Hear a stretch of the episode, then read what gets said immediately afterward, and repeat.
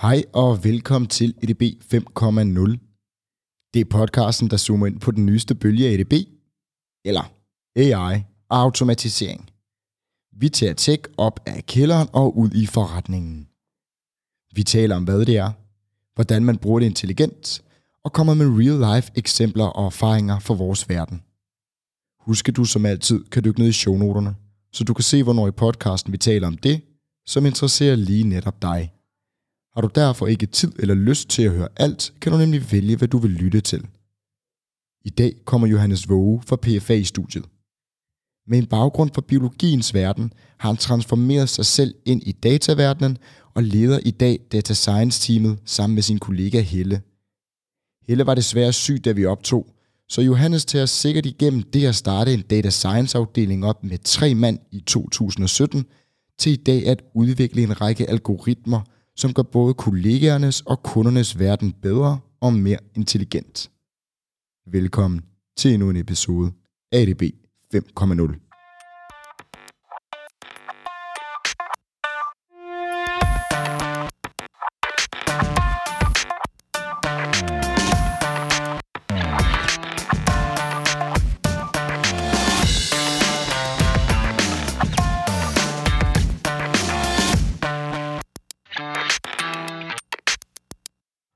Hej Johannes. Hej. Velkommen til. Tak. Vi skal tale om øh, kunstig intelligens i dag, og det skal vi ud fra et perspektiv, der hedder PFA. Så øh, hvis jeg skal bede dig om at introducere dig og PFA lidt for, for lytterne her, kan du så forsøge på det? Jeg kan prøve. jeg hedder Johannes, og øh, ja, jeg kommer faktisk fra en baggrund som øh, molekylærbiolog. Øh, mm for lang tid siden, og tog en efterfølgende en Ph.D. i genetik og sådan noget bioinformatik. Så det er kombinationen af biologi øh, og så computer. Og allerede dengang faldt jeg, øh, fell in love, blev forelsket i store datasæt og machine learning og, og sådan matematiske metoder til at krænge ting ud af store datasæt. Og så forskede jeg en årrække i børneastma og genetik mm. og allergi øh, på et forskningscenter, og synes egentlig, det var ret fedt. Men øh, skulle prøve noget andet. Og så, øh, så kom jeg ud i PFA.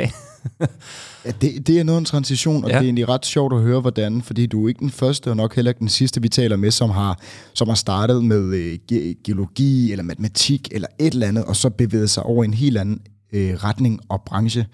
Hvordan øh, og hvorfor laver man sådan en skift fra genetik og øh, børneastma til at sidde og arbejde med, øh, med pensioner?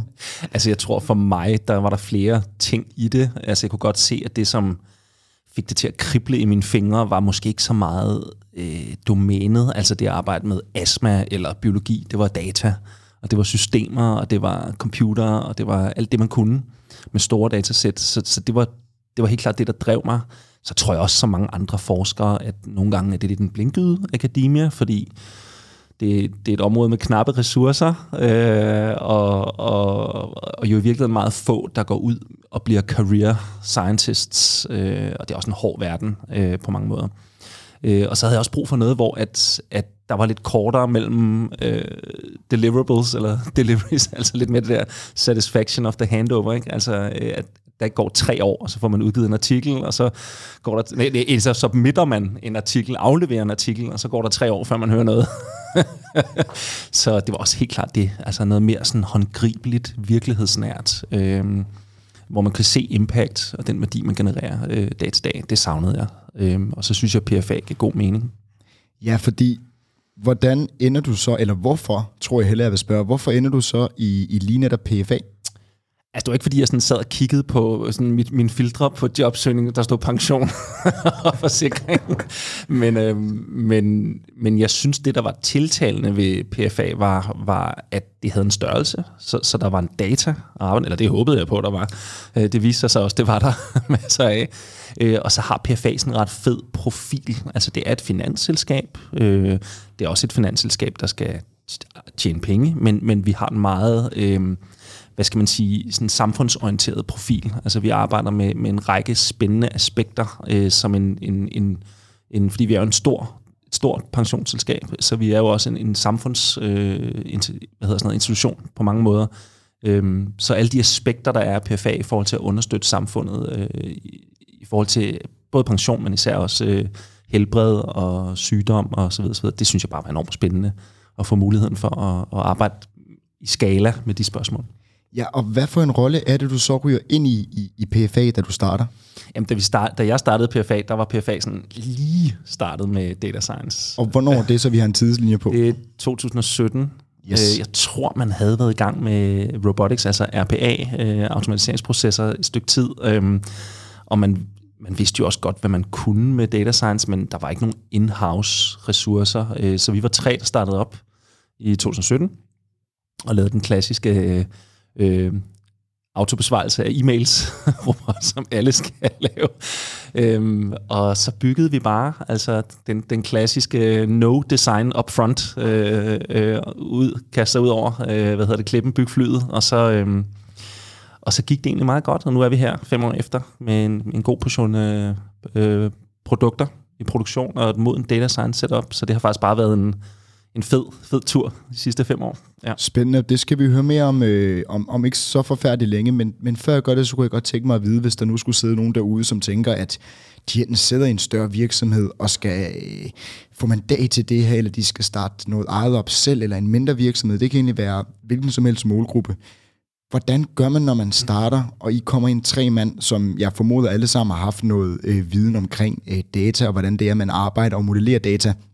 Hvordan vælger man de rigtige cases? Går man ud fra retningen og spørger, eller prøver man ligesom at lave et proof of concept med den eksisterende teknologi? Godt spørgsmål, og jeg tror, det kommer meget an på, hvad for en forretning man sidder i. Altså, jeg tror et sted som PFA, som på mange måder minder meget om andre store virksomheder i Danmark, så er det sådan set ligegyldigt, om det er pension, eller bank, eller angro, eller øh, retail, eller whatever, shipping. Øh, jeg tror, de, de har det til fælles på mange måder, at, at de måske har svært ved at, ja, hvordan skal man sige det, det de, de, det innovationsspor, der ligger i at komme ind og arbejde med nye teknologier, er ikke nødvendigvis noget, der let opstår ud af de prioriteringsprocesser og rammer, der er i sådan nogle firmaer. Så, så der er helt klart brug for, at nogen øh, giver noget frihed og noget mandat til at sige, prøv at høre, øh, guys og girls, nu, øh, nu skal I, I får lige lidt øh, arbejdsro til at prøve det her af. Det behøver ikke være drevet af en business case nødvendigvis. Øh, øh, og, det, og det fik vi faktisk lov til. Så, så hos os var det meget drevet ud af hvad vi synes var en god idé, og så havde, var vi heldige at have en chef, som, som, øh, som også havde virkelig godt forretningskendskab, øh, kom fra business, øh, og, og på den måde for os rookies, vi var alle sammen øh, rookies i, i enterprise eller corporate, kunne oversætte nogle af de her ting i forhold til hans kendskab og hans øh, forbindelse til forretningen.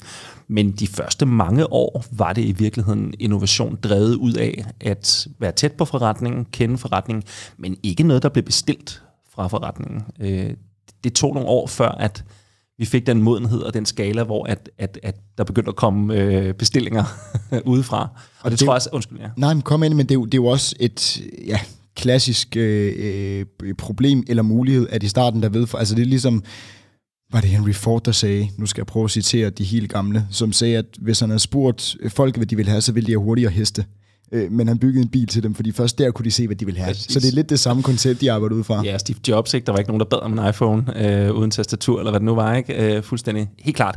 Og så tror jeg også, at ja, en ting er selvfølgelig vores egen modenhedsrejse, men også den generelle modenhedsrejse i samfundet. Altså, folk har fået øjnene op hos os, men jo også bare generelt øh, de sidste fem år er der sket meget. Øh, og hvor for fem år siden det var noget, hvor man sagde, ja, det kan da godt være, at vi skal til at arbejde lidt med du, så sidder alle jo i dag og og har data scientists ansat. Øhm, så, så helt klart også en generel udvikling i industrien øh, og i branchen øh, mod, mod mere modenhed. Fedt. Vi skal ned og tale meget mere om jeres, øh, nu kalder det produktkatalog og omnichannel og skalering og prioriteringsprocesser, og jeg skal komme efter dig. Men før vi gør det, så er vi jo i en podcast, som diskuterer intelligent automatisering. Og øhm, hvad betyder det for dig? Ja, øh, jeg tror egentlig, jeg er sådan rimelig... Øh, jeg tror, når jeg tænker på det begreb, så tror jeg egentlig, jeg er sådan lidt, lidt, lidt ukredsen i forhold til både teknologier og, og løsninger og alt det der. Altså i virkeligheden handler det jo nok bare om at emulere en eller anden Og nu, proces. og nu skal du lige være med. Hvad ja. Betyder det at emulere ja, en undskyld, proces? Og efterligne Yes. en proces, som, øh, som har et eller andet øh, et aspekt af intelligens. Og, og det kan jo være alt fra gammeldags øh, Visual Basic-kode i et Excel-ark til, til en super avanceret AI. Ikke? Altså bare se, hvad man kan i dag med de her billed- og tekstgenererende AI's. Ikke? Men, men det, det er måske lidt underordnet i virkeligheden teknologien, men det at kunne emulere eller efterligne en, en proces, der kan give værdi, øh, og automatisere den proces, øh, der kan give værdi øh, i en eller anden kontekst, det, det tror jeg dækker det meget godt for mig. Så kan man løse det på tusindvis af måder i små, små og store skalaer. Johannes, vi talte jo lige før omkring øh, den rejse, I har været på, hvor du siger, I startede med øh, tre mand på, på laptops, nu har I fået et helt team, og i starten havde I den helt klassiske øh, autobesvarelse af e-mails. Hvis vi nu laver sådan en fast forward, jeg trykker på sådan en knap, der hedder fast forward til i dag, 2022, hvad har I så på hylderne? Hvad har I fået udviklet i PFA, og hvad har givet værdi for PFA?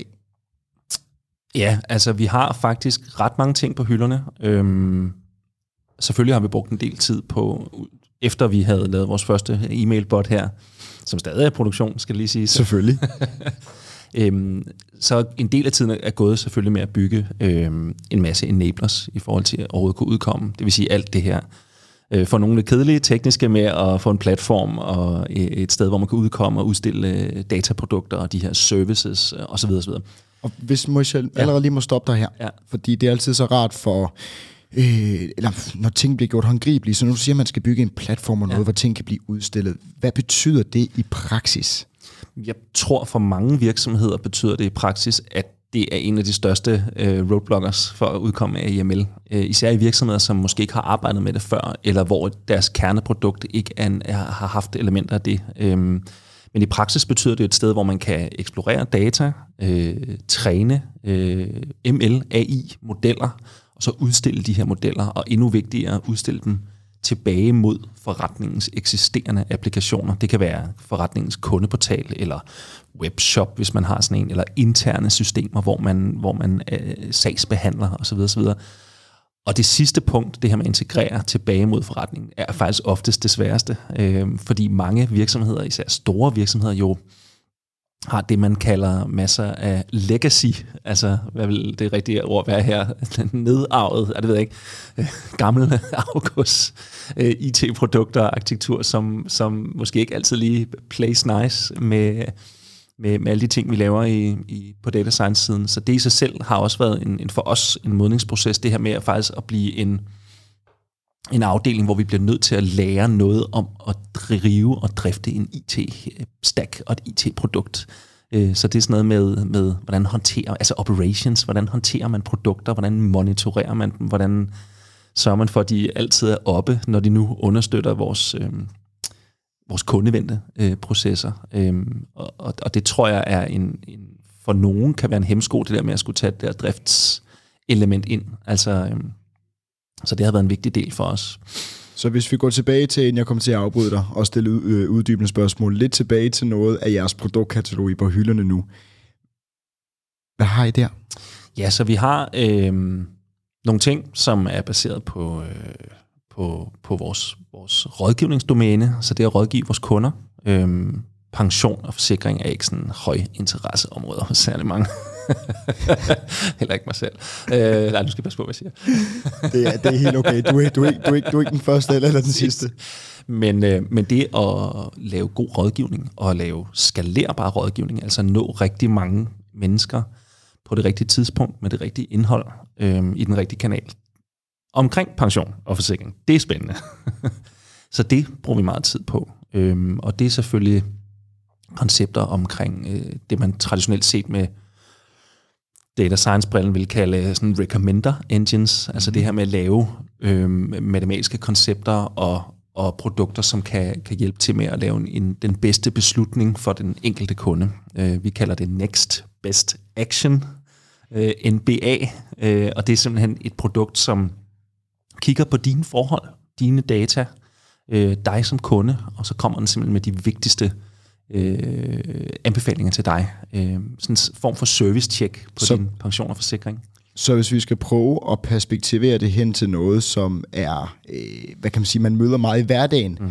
kunne det så for eksempel være, når man sidder og ser YouTube, eller man læser artikler, at det, så, er det, er det også recommenders, når den så kommer op med den næste foreslåede video, eller den næste artikel, baseret på Helt klart. hvad man har gjort. Er det det samme, I laver? Det er samme, i hvert fald familie af produkter. Jeg tror, det som gør vores system lidt anderledes er, at vi har ikke en webshop med 200 varer på hylden, eller film, eller musiknummer, hvor alle bare kan få alt. Vi har ret mange, øh, hvad skal man kalde det, lovmæssige øh, og rådgivningsmæssige øh, regler og begrænsninger i forhold til, hvad man kan, men også hvad vi egentlig synes, du bør i forhold til, til, til vores rådgivningsansvar. Så det er lige så meget en model, som, som, som implementerer alle de regler øh, i skala, og så bruger teknikker fra machine learning til at, at gøre det hurtigt og effektivt. Og, og hvordan møder det så kunderne? Fordi hele meningen med at lave de her ting er jo, at det skal gøre virksomheden bedre, og det skal give kunderne en bedre oplevelse. Og hvis man så kan spare nogle timer på det et eller andet sted, og sætte nogle omkostninger ned, jamen så er det også en rigtig god bonus. Er det så til jeres rådgiver, når kunderne ringer ind, bliver det inkorporeret direkte på, øh, på siden? Altså, hvordan, hvornår og hvordan møder kunderne de her forslag, som jeres algoritmer giver dem? Helt klart. Jamen det hele. Altså kunderne skal møde dem i alle kanaler, øhm, og rådgiverne også. Det er i hvert fald vores vision. Øhm, altså det, man kalder omnichannel, øh, så vi kan bruge det til undskyld, så man kan bruge det til, til, til reaktiv rådgivning, det vil sige, når, når kunderne logger på vores side eller, eller ringer til os, men også proaktivt, så vi kan fange problematikker omkring kunder, der måske ikke ligger ordentligt i forhold til vores anbefalinger, og så, øhm, og så kontakten øhm, øh, kvæg de behov, de har i de rigtige kanaler. Og der er jo meget stor forskel på at være 55 år øh, og nærme sig pensionsalderen. Nej, det gør man måske ikke, hvis man er 55 år. Det kommer hvem man er. Men, hvis men man skal have en Arne-pension, så kan det være, at, at, det, at man er ved at nærme sig. Præcis. Versus at være 25 år. Øh, givet de behov, du har, de kanaler, hvor vi skal øh, påvirke dig, hvad der virker. Så hele den der hele det konceptet omkring et, et omnichannel uh, next best action system er enormt spændende, fordi det rummer så mange lag af data science-disciplinen. Der er både hele den her logikmotor, så er der konverterings-ML, altså det med at lave modeller på, hvilke, hvilke budskaber virker i hvilke kanaler. Så er der også de lidt mere kommercielle aspekter, det man kalder sådan nogle øh, return of investment modeller, altså hvor, hvor, hvor virker de her øh, budskaber bedst i forhold til den mere kommercielle del af forretningen. Og, og alle de ting kan man i virkeligheden sætte sammen til at lave en, en samlet motor, som, som kan gøre, at vi, øh, vi bruger vores ressourcer allermest optimalt og maksimere effekten ud mod kunderne. Mega fedt. Det har ligesom været med forretningssynet på det. Hvordan rammer vi kunderne? Hvordan sikrer vi os, at vi både rammer den på 25-55, alt efter deres behov? Hvis vi så går hen og kigger på den mere tekniske del, øh, og måske det, altså den, den data science del, så efterlader med, med, med et meget simpelt spørgsmål. Hvordan fanden beregner man, hvad der skal gives til hvem? Præcis. Og det har faktisk været et af de steder, hvor, fordi tit når man laver data science, medmindre man er Facebook eller Apple, eller måske en lille startup, som sidder med en eller anden super god idé, som ingen har lavet før, så er det jo sådan for de fleste firmaer af en vis størrelse, at man bruger hyldevarer. Man bruger hyldevaremodeller, man bruger hyldevarer biblioteker øh, til sin Python-kode, øh, og så kommer det geniale ligesom mere i, hvordan man eksekverer øh, på forretningsdelen. Men lige præcis med det her produkt fik vi faktisk lov til selv at opfinde den her motor inde bagved, og det var faktisk ret sjovt. Det var virkelig klassisk op og stå på en tavle. Øhm, nu kan jeg ikke afsløre for meget, men øh, jeg kan sige, at øh, vi er blevet inspireret af øh, 60'ernes hulkort. Så, så, så er der noget til at google. Fedt. Så, øhm, så det er simpelthen svaret, hvis man skal lave, øh, lave algoritmer, som, som kan finde ud af det, så skal man google 60'ernes hulkort, øh, for Johannes han siger ikke mere. Hvis jeg skal gå ned og blive, blive lidt mere, eller hvis vi skal blive lidt mere konkrete her, øh, så kunne jeg, ved jeg, I lavede noget sådan noget automatisering på skadesrejsen. Kan du prøve at fortælle lidt mere om den skadesrejse, der kunne, kunne være, og hvordan man ligesom tapper ind i den fra et data science perspektiv? Det kan jeg, og øh, først skal jeg måske lige sige, at øh, jeg faktisk skulle have haft min øh, kollega Helle med, som øh, jeg sidder i lederteam med, som også er leder for Data Science Team PFA. Øh, hun er blevet syg, ligesom rigtig mange andre er lige nu, så øh, jeg har lovet hende så godt som muligt lige at dække ind, for, for det er faktisk hende, der er, er helt klart eksperten på det område. Så shout out til Helle her, ja. og så er, det, så er det Johannes, som, øh, som, som kan tage al kreditten her i, øh, her i podcasten. Men øh, udover pension, så har vi jo også i PFA en række forsikringer og en række produkter, som, som man har oftest, når man er kunde hos os. Øh, det kan være en tab af erhvervsevneforsikring, som hjælper dig til at få øh, en udbetaling, månedlig udbetaling, hvis du skulle være så uheldig at miste din erhvervsevne. Vi har en sundhedsforsikring, du kan bruge til at få hjælp til at få hurtig behandling, øh, forskellige behandlere, fysioterapi osv., osv. psykolog. Øh, og så har vi en, en, andre, en, en, en række andre klassiske øh, øh, hvad hedder, forsikringer, som ikke er så interessante lige i forhold til data science. Men de her to produkter, øh, både det her tab af erhvervsevneprodukt og vores sundhedsforsikring, ligger der en række ret spændende problematikker i forhold til, øh, til data science. Øh, og, og den, jeg tror, jeg vil fremhæve som den mest interessante, øh, ej, der er, der er mange, men, men der jeg vil starte, er helt klart det, vi kalder vores øh, risikoscore-model, eller red flag-model. Og en tendens, vi har set, ikke kun os, men, men som man ser i samfundet og i branchen hos alle forsikringsselskaber, er jo desværre, at der er flere og flere, der aktiverer en sådan tab af erhvervsevneforsikring på grund af psykiske lidelser, især stress. Der er flere, der bliver stressede, og der er flere, der bliver uarbejdsdygtige, helt eller delvist på grund af stress. Øhm, og der har vi en ambition om at gå ind og hjælpe vores kunder bedst muligt med at undgå øh, at nå så langt, at de faktisk ikke kan arbejde. Det er selvfølgelig kundernes interesse, fordi det er jo ikke øh, sjovt hverken at falde i, og det er også svært for nogen at komme tilbage. Men det er selvfølgelig heller ikke i arbejdsgivernes interesse, øh, og heller ikke i PFA's interesse. Det er en dyr udgift, som ikke bare rammer den enkelte kunde, men faktisk alle kunder i PFA, fordi at vi skal hensætte en masse penge, øh, sætte en masse penge til side, når det sker. Så vi tænkte, hvordan kan vi arbejde sådan lidt mere strategisk med måske at prøve at se, om vi kan selektivt finde nogle af de her kunder, som, som måske står til at være på vej til sådan en. Og det kalder vi en, en red flag-model, altså ved at lave en machine learning-model på øh, kunder, som udviser en række tegn, øh, red flags, øh, givet deres kundedata og adfærdsdata, øh, som peger på, at de måske kunne være et sted, hvor de har brug for noget ekstra hjælp fra os, eller øh, noget, noget yderligere opmærksomhed. Så det er spændende, øh, og det er også en model, som selvfølgelig er øh, meget prekær i forhold til databeskyttelse. Øh, så jeg må heller lige skynde mig at sige, at vi selvfølgelig gør alt, hvad vi overhovedet kan i PFA for at arbejde ansvarligt og forsvarligt med sådan algoritmer og data, øh, og det er noget af det, som vi bruger allermest tid på, det er at øh, arbejde med governance og forsvarlige algoritmer, ansvarlige algoritmer omkring øh, sådan nogle problematikker. Det giver nemlig rigtig god mening. Vi havde, øh, vi havde Schulz inde på et, øh, på et tidspunkt, som havde lavet den her øh, meget klassiske øh, algoritme til jobcentrene, som ligesom kunne score borgerne, når de kom ind, og så vidste de, hvor man skulle sætte ind ekstra. Og hele grundideen og tankegangen var jo egentlig god, fordi at så vidste man, at man kunne allerede tidligt i forløbet sætte ind og hjælpe de her borgere. Problemet var, at man endte med at profilere borgere, og så kunne socialrådgiveren se på algoritmen, når den kom ind og sagde, du skal være her længe. Så kigger borgerne og sagde, hvorfor skal jeg være det? Så sagde socialrådgiveren, det ved jeg ikke, men det siger algoritmen der var jo et kæmpe problem i, at man gik ind og profilerede borgerne. Og det var noget, de måtte revurdere og lave den om, så man faktisk endte med at lave positiv profilering, eller, eller en anden score, som ligesom kunne hjælpe øh, sagsbehandlerne derude. Og det er lidt det samme her. Hvordan sørger man for, for jeg er ikke i tvivl om, I gør det, men hvordan sørger man ligesom for, hvilket, hvilken kongstanke skal der være, når man skal lave, nu kalder det ansvarlig AI, på noget, som har med menneskers liv at gøre? Ja. Og det, det er et vildt godt spørgsmål, og det er jo også noget, som, som man arbejder med på EU-niveau lige nu. Den, øh, alle kender GDPR, men det er måske ikke alle, der ved, at om et par år får vi faktisk en, en ny EU-lovgivning, der hedder AI Act, som netop kommer til at omhandle øh, lovgivning på det her område, især for højrisikosystemer, som jo har med, med helbred øh, og, og, og for folks liv og levende at gøre. Men for at komme tilbage til det spørgsmål, øh, hvordan gør man det?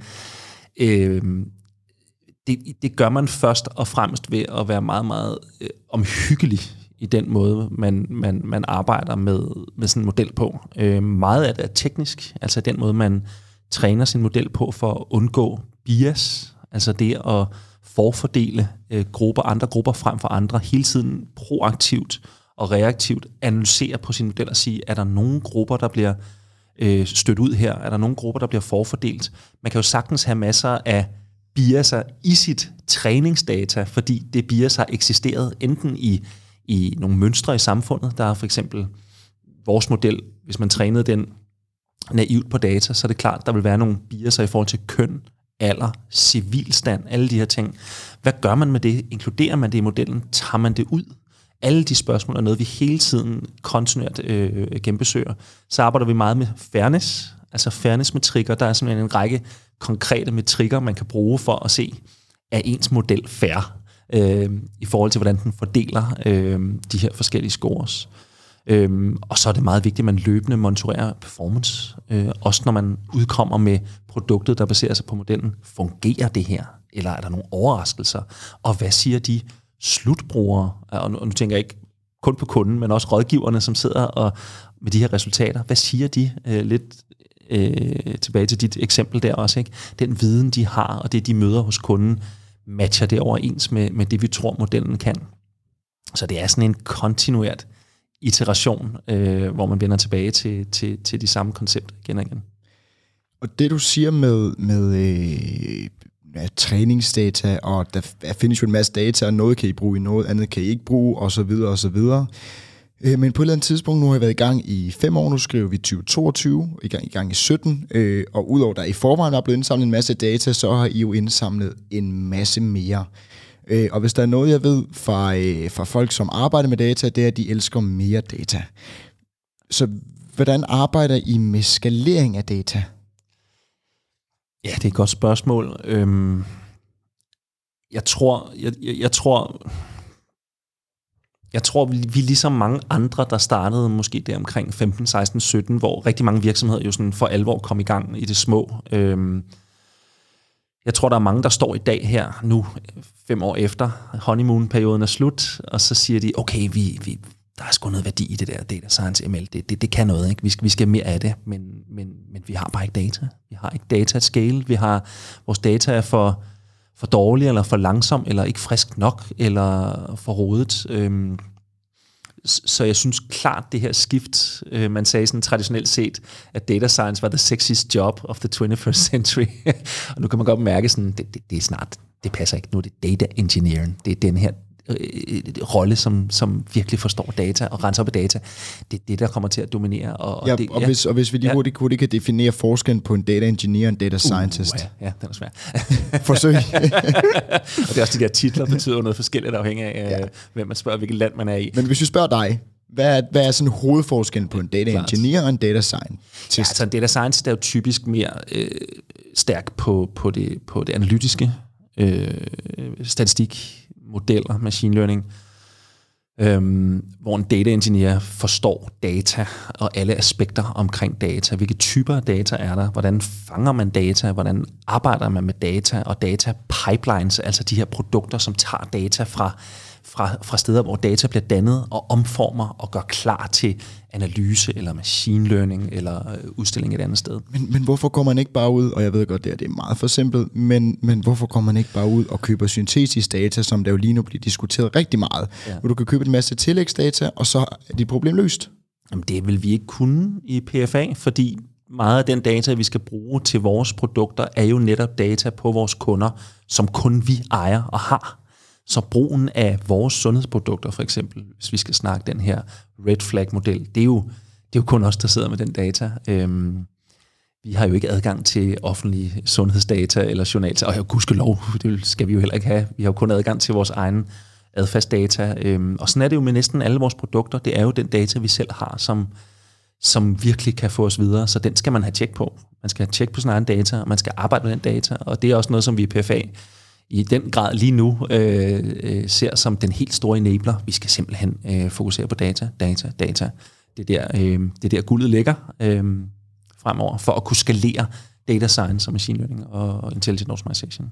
Og når det ligesom er hele målet, som det jo er ved jer og mange andre mm. steder også, så lever vi jo også øh, i en tid, og især i jeres branche, hvor I er underlagt nogle meget strenge krav fra Finanstilsynet og alt muligt andet. I har noget med pensioner, der er noget investering, og der er noget øh, forsik- eller, ja, forsikring og alt muligt andet. Hvordan sikrer man, at nu siger jeg, øh, hvis vi skal bruge et, et, et lægemandsord, kunstig intelligens, som det jo for mange ude i forretningen er, øh, hvordan sikrer man så, at de adopterer brugen af kunstig intelligens? Og det kan både være forsikringsrådgiver, øh, investeringsekspert, alt muligt andet, men måske også i sidste ende slutbrugeren, øh, som jo er mig. Hvordan sikrer man, når man, når man gør alt det her smart og mere intelligent, bruger data til at løse det, finde mønstre, udvikle systemer, at man ligesom får de forskellige interessenter med og stoler på det her? Og det er et vanvittigt godt spørgsmål, og, og noget, som vi, vi tænker en del over. Øhm, og, og, og det handler selvfølgelig om i sidste ende, at, at hvis du vil give den tryghed og den sikkerhed for både internt i forhold til dine egne beslutningstager, som jo også først og fremmest skal være med på rejsen. Det starter ligesom internt, øhm, og så igennem hele den kæde, du beskriver, hele vejen ud til slutbrugeren og kunden, øhm, og give den transparens for, hvad sker der? Hvor bliver min data brugt? Hvordan forsvarer I den brug af data i forhold til det samtykke, jeg har givet, eller måske ikke har givet, fordi vi har ikke særlig mange eksplicite samtykker til særlig meget i Danmark, øh, og slet ikke PFA. Så hvordan påberåber jeg i den hjemmel, I mener, I har til at træne den her model eller bruge det data? Og hvor er det, I fortæller mig på en hjemmeside eller et andet sted præcis, hvad det er, I bruger min data til, hvilke modeller I har i produktion, og hvordan får jeg fat i den score, du lige har regnet på mig, hvis jeg gerne vil have den. Og der er jo rigtig meget af det her, der bare er good old GDPR, øh, når det kommer til stykket. Så hele den proces er der jo rigtig mange lige nu, der er jo, er, altså GDPR er jo fire år gammel nu, ikke? Jo. Noget af den stil der. Øh, og fyldte Maj 2018. Ja, præcis, og fyldte rigtig meget i, øh, i, i 18 og 19, og, og det er som om, den har lige fået en lille revival her nu med AI. Øh, vi vender tilbage til den og bruger rigtig meget tid på at øh, sørge for, at alt det, vi laver med AI, er, er hvad kan man sige, øh, er inden for skiverne af GDPR-skiven. Så det her med, altså jeg synes ikke, man ser så mange aktører i markedet nu, der har de her super fede AI. Øh, man kender en privatlivspolitik, den har vi alle sammen set, men vi har måske ikke set så mange undersider nu, der beskriver sådan, at vi har de her syv modeller i produktion, og, men det kommer. Altså, og vi er også selv på vej, forhåbentlig med sådan en. Øh, det er ikke lige i morgen, men, men vi har en ambition om også at, at lave et sted, hvor man kan udstille de her, man kalder det sådan lidt populært model cards, altså sådan nogle lidt sådan øh, skabelonagtige beskrivelser af, af de modeller, man kører, og hvilke dataetiske ting, man har tænkt over, og, og så videre, så videre. Så det, det bliver normen. Øh, ingen tvivl om det. Og noget, og det, alle skal... Ja. Og det bliver hjulpet på vej af den her, hvad, hvad kalder du den, AI Act fra, fra EU? Helt klart. Ja. Det, det bliver simpelthen sådan en standard ting, at de, at de fleste firmaer får en, en underside, hvor man simpelthen kan se, hvad der sker. Øhm. Jeg havde på et tidspunkt øh, Industriens Pension mm. forbi øh, podcasten her, og øh, de havde sammen med IBM og deres Watson-model en masse træningsdata, som kunne hjælpe kunderådgiverne med at dykke ned i de papirer øh, til den enkelte øh, bruger eller kunde, eller hvad man nu skal kalde folk i forsikrings- øh, og øh, investeringsverden. Og øh, de sagde, at rigtig meget af det handlede selvfølgelig om at kigge på, hvor kunne man optimere og spare penge og gøre tingene smartere, men også lige så meget, hvor kunne man styrke rådgiverne. Øh, og det kunne være, at det øgede øh, medarbejderlevetiden, det kunne være kundelevetiden, det kunne være det øgede øh, medarbejdertilfredsen og alt muligt andet, når man ligesom brugte teknologi til at hjælpe, som måske i sidste ende giver noget bundlinje, men ikke direkte giver noget bundlinje. Arbejder I også med teknologi på den måde, øh, og i så fald kan du fortælle lidt om, hvordan I gør? Helt sikkert, og øhm, jeg synes jo, det er et af de allermest spændende områder. Det er jo netop det her tekst-dokumentområde, og det er jo meget hipt og hot lige nu. der sker rigtig meget ikke bare ude i verden, men især også i Danmark. Du har jo selv haft øh, fat i nogle af de gode folk fra øh, den danske NLP-scene, så det er jo vanvittigt spændende. Og øh, i PFA er vi så heldige, at vi har et ret stort korpus af dokumenter, som vi samler ind og bruger i forbindelse med sagsbehandling, når vi skal øh, vurdere de her øh, tab af erhvervsforsikringer, sundhedsforsikringer og skader. Så vi har et kæmpe, jeg tror vi har 120 millioner sagsakter liggende fra primært det offentlige, tredje aktører, kommuner, hospitaler, privathospitaler osv. osv. som bare ligger og venter på at blive aktiveret. Øh, selvfølgelig bruger vi dem i dag, det er klart, og vi har en masse super dygtige øh, sagsbehandlere, som jo øh, er uundværlige, det skal lige siges. Jeg er ikke ude på over dem. Men bare det at kunne hjælpe dem med at finde informationer, Øhm, øh, øh, lave referater, øh, klassificere dokumenter. Tit så har vi dokumenter, pdf'er, der er 20-30 sider lange, hvor det er en stor øh, pærevælling af forskellige hospitaler. Bare det at kunne skille en samling, en fil ad i forskellige... Altså, der er så mange lavt hængende frugter her, så det er vanvittigt spændende. Det er ikke noget, vi er for alvor kommet i gang med endnu, øhm, men det er helt klart på vores radar i 2023 øh, at begynde at, at arbejde med det her område. Fedt. Er det også på jeres radar at kigge på, øh, nu kan jeg jo sidde og perspektivere til en masse andre virksomheder, men ja. hvis vi tæller lidt ind i det samme øh, med, med forsikring og muligt andet, så havde vi øh, ATP ind, Tor for ATP var inde som en af de allerførste, som talte meget om fraud detection, når der lige pludselig boede 20 mennesker på den samme adresse, eller yes. øh, alt muligt andet, fordi ATP udbetaler to ud af tre offentlige kroner i Danmark. Så de har brugt utrolig meget tid på fraud detection det vil også, jeg tænker, især i forsikring, at det er et område, der ja. tværgående må være ja nummer et nærmest Helt at klart. kigge på, hvornår svindler folk. Helt sikkert. Og nu skal vi sige, at ATP de er jo Danmarks mestre i uh, data science på fraud, så det, dem kan man jo kun uh, se op til. men, uh, men, men det har vi også gang i, og har haft gang i nogle år, og har ting i produktion. Uh, vi kigger selvfølgelig på, på, på misbrug af vores forsikringsprodukter som er en, en rimelig taknemmelig opgave, der genererer værdi. Og så har vi det her med øh, antividvask på pension, som er sådan, det er en sjov teknisk opgave, øh, men det er et sted, hvor vi ikke har noget øh, træningsmateriale. Altså vi har ikke nogen eksempler, kendte eksempler på, at nogen øh, bruger pension til hvidvask. Øh, men det er jo en teoretisk mulighed. Øh, så der har vi sådan en model, der er, sådan, er det, man kalder unsupervised øh, machine learning. Det er der, med man siger, jeg kan ikke fortælle dig, hvad, hvad du skal kigge efter, men jeg vil egentlig gerne bede dig om at kigge efter noget, der ser mærkeligt ud. Altså sådan noget, man kalder det også af detektering af anomalier. Ikke? Altså det her med at se på, på noget, der ikke minder om det andet. Så det, det har været ret øh, interessant sådan, ud fra et teknisk perspektiv at lave den. Men, øh, men vi får måske aldrig at vide, om den er god eller dårlig. men er, er det så det samme koncept? Fordi vi, nu har vi også talt lidt forretning, hvis vi vender tilbage til datasiden, som, som, som du nævnte før, så bruger man øh, øh unsupervised øh, ved det, øh, learning. Er det det samme med fraud detection, eller kan man godt føde den med noget data, og i så fald, er det, er det data nok, eller skal man lave en blanding af supervised og unsupervised?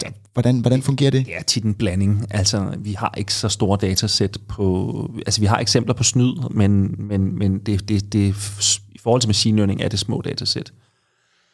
Ja, fordi at hvis man sidder i et forsikringsselskab, nu siger jeg op til i dag, eller op til for et par år siden, så var det vel kun den erfarne rådgiver, der kunne lugte, hvis noget var galt, eller øh, behandler og det er stadig, altså jeg vil sige, der, der er meget værdi i bare at præsentere nogle af de her meget erfarne, øh, øh, ja, det er jo i virkeligheden, vi kalder dem nok skadesmedarbejdere, altså det er jo typisk folk med en politibaggrund, øh, og præsentere dem for det rigtige data. Og der er vi rigtig gode til at samle data ind fra alle mulige offentlige eksterne kilder, øh, og så præsentere det for det. Så der, og det er jo også noget af det, som jeg synes er meget interessant, at data science, og det at, at lave data science, og få det til at virke, behøver ikke altid være en machine learning model.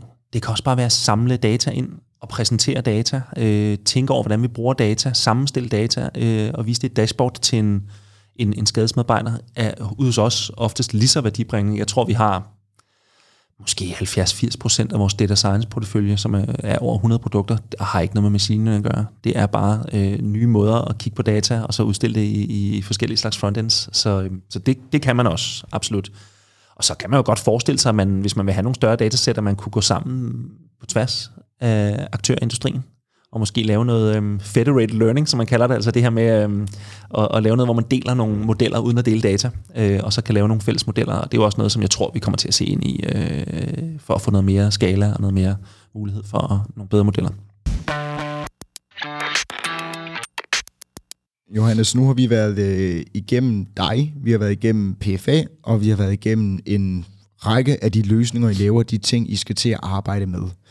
Men jeg kunne egentlig godt tænke mig at vende lidt tilbage til starten, eller måske endda før vi startede, fordi du nævner, at du kommer ind i PFA i 17 sammen med to andre mand, og i dag leder du et data science team sammen med din kollega Helle, der desværre kunne være her i dag og I har fået banket en masse fedt op. Øh, og når vi går igennem det her, så lyder det egentlig meget simpelt, og øh, 1, 2, 3, så er vi i gang, og fem år senere står vi her. men jeg fornem, forventer ikke, at det har været så let, som, som det øh, har været at tale om det i dag. Så hvis vi går lidt tilbage og ligesom skal se på, hvad du har lært af den her rejse, øh, måske mindre teknisk, men mere personligt og forretningsmæssigt, hvordan man formå at sable det her op og få det til at leve, drifte og blive stort? Helt sikkert. Øhm, og først og fremmest vil jeg jo sige, at det har jo været resultatet af rigtig mange fede mennesker og kollegaer, som, som har vil det her og, og har, har set tidligt, at det, det er den rigtige vej at gå, og det giver værdi, og det er noget, vi vil satse på. Og jeg tror, det er noget, jeg nok ikke har kendt før i løbet af de sidste par år, hvor jeg har lært det her corporate liv at kende bedre. Øhm, det, det, den erkendelse havde jeg ikke i starten, men, men, men i, i bagklogskabens lys kan jeg godt se nu, at det at have en, en chef, som jeg selv havde på det tidspunkt, øh, og stadig har, jeg har stadig den samme chef, skal lige sige. Shout out til Daniel. øh, og en direktør, øh, hans chef, som i en eller anden grad øh, er klar til at sparke, eller i den grad er klar til at sparke nogle døre ind, og sætte nogle hjørneflag og sige, det er det her, vi skal. Øh, nu tager vi lige øh, nogle år, hvor vi faktisk lige giver et mandat til at prøve nogle ting af, udkomme med det her, øh, og så i den grad kunne sælge det internt. Øh, det er simpelthen key. Øh, så kan man have nok så mange gode krøllede hjerner, øh, fysikere og biologer som mig selv, og så videre, så videre, som er pissedygtige og kan det hele. Du har simpelthen brug for den der øhm, oversættelse til corporate Danmark, som kan, kan få det mandat. Og det fik vi i den grad. Nu har vi en størrelse, hvor vi selvfølgelig stadig skal sælge, men vores eksistensberettelse er selvfølgelig lidt mere øh, givet, og, og, og vi er mere i stand til at, at, at, at opretholde et, et momentum øh, som en mere klassisk udviklingsafdeling. Så det er den primære lønning, vil jeg sige. Man skal simpelthen have det der C-level, altså øh, direktionsniveaus opbakning i en årrække for hans chance. Øh, I hvert fald hvis man er et sted, der, hvor, hvor AI og data ikke er en del af kerneproduktet. Det er klart, hvis man arbejder i en anden AI-drevet virksomhed, hvor det er kerneproduktet, så er det selvfølgelig en helt anden snak. Øh, nu snakker jeg om, om, om en mellem, mellemstor dansk til stor dansk virksomhed, som leverer insulin, eller pension, eller skibe, eller et eller andet, ikke? i den stil. Så det er vigtigt, ja. Så, øhm, så hvis det, det er den første. Hvis vi skal prøve at lave en, øh, en øh, unummereret liste, så er det måske den vigtigste, hvis vi skal lave ja. nummereret alligevel. Du skal have noget mandat. Klart. Hvad skal man ellers? Så skal man tage, tror jeg, øh, det faktum, at data science er, når det kommer til stykket, basically bare softwareudvikling plus noget ekstra. Meget alvorligt. Så hvis man vil skalere og udkomme med data science produkter, så skal man i virkeligheden betragte sig selv meget som et klassisk softwareudviklingshold og adoptere alle de dyder, som vi har brugt 50-60 år på at forædle. Øh, det er selvfølgelig heller ikke så meget øh, set i menneskehedens øh, lange historie, men, men stadigvæk øh, øh, omfavne DevOps, øh, og hvad er det så? Men det, det, det er den her måde at arbejde med alle de her gode, moderne udviklingspraktikker, og det er jo det er jo sådan noget med, tænk over dit system og, og, og skrive kode, der er nem at vedligeholde, og sådan noget med modularitet, og hvordan monitorerer du produkter, og hvem er på vagt. Altså sådan nogle meget lavpraktiske ting, og hvordan drifter du et IT-system. Øh, nogle gange er du heldig, du har en IT-afdeling, der kan hjælpe dig. Andre gange har du måske en IT-afdeling, som er dygtig, men som måske ikke lige har øh, de kompetencer, der skal til for at understøtte data science. Det var tilfældet PFA. Øh, sådan er det i mange virksomheder, fordi man kommer ind og skal bruge nogle teknologier, som typisk ikke er repræsenteret i forvejen. Så der skal man også oftest være klar til at, at påtage sig et ansvar der, eller købe en, en noget hjælp udefra øh, hos en service provider. Så det der med at, at huske på, det er ikke så forskelligt øh, data science i produktion fra alt muligt andet software, øh, selvom vi nogle gange synes, vi er lidt, lidt specielle. Og, ja. og hvis vi så prøver at stille lidt mere personligt, så er du jo gået fra at være en klassisk nørd, til lige pludselig at skulle lede andre mennesker og har skulle være med til at sparke døre ind i PFA og alt muligt andet. Hvordan laver man personligt den transformation, der hedder, jeg synes, det er fedt at arbejde med data og skrive artikler og alt muligt andet til at sige, nu skal det give forretningsværdi, og der er faktisk andre mennesker, siger almindelige lægemænd, som også skal kunne være med på det her.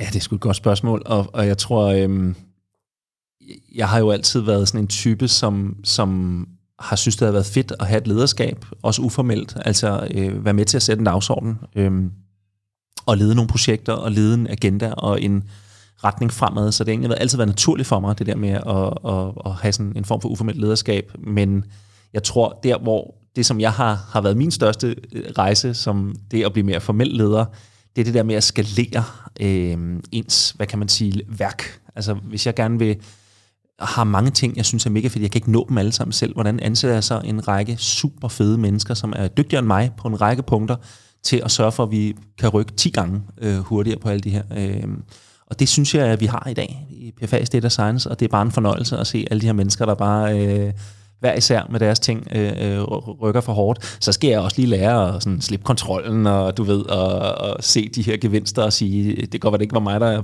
kodede det, men vi vandt, ikke? Øh, og det, det bliver jeg bare bedre og bedre til, så det, det er super fint øhm, at enable, altså være sådan en rigtig god, øhm, hvad man kalder det, altså servant leadership, ikke? det her med øh, i virkeligheden prøve at sige, det, det er mig, der skal enable jer og sørge for, at I, øhm, at I kommer i mål. Så alle de der ting der, det, det synes jeg er enormt spændende, og det, altså, jeg må bare kende, det er jo en livslang proces, det der med ledelse, som alt muligt andet, ikke? Altså, ja. Fedt. Det tror jeg faktisk, at det er perfekte sted at stoppe. Johannes, tusind tak, fordi du vil øh, komme og gøre mig og, og lytterne klogere på, øh, på PFA, og hvordan I arbejder med øh, kunstig intelligens. Og så ser vi frem til at kunne kigge på jeres model cards og øh, høre mere om fraud detection og, og alt muligt andet meget, ja. I, i fremtiden. Men i, i hvert fald har det været øh, en sand fornøjelse af dig studie. Tusind tak, fordi du vil komme. Selv tak.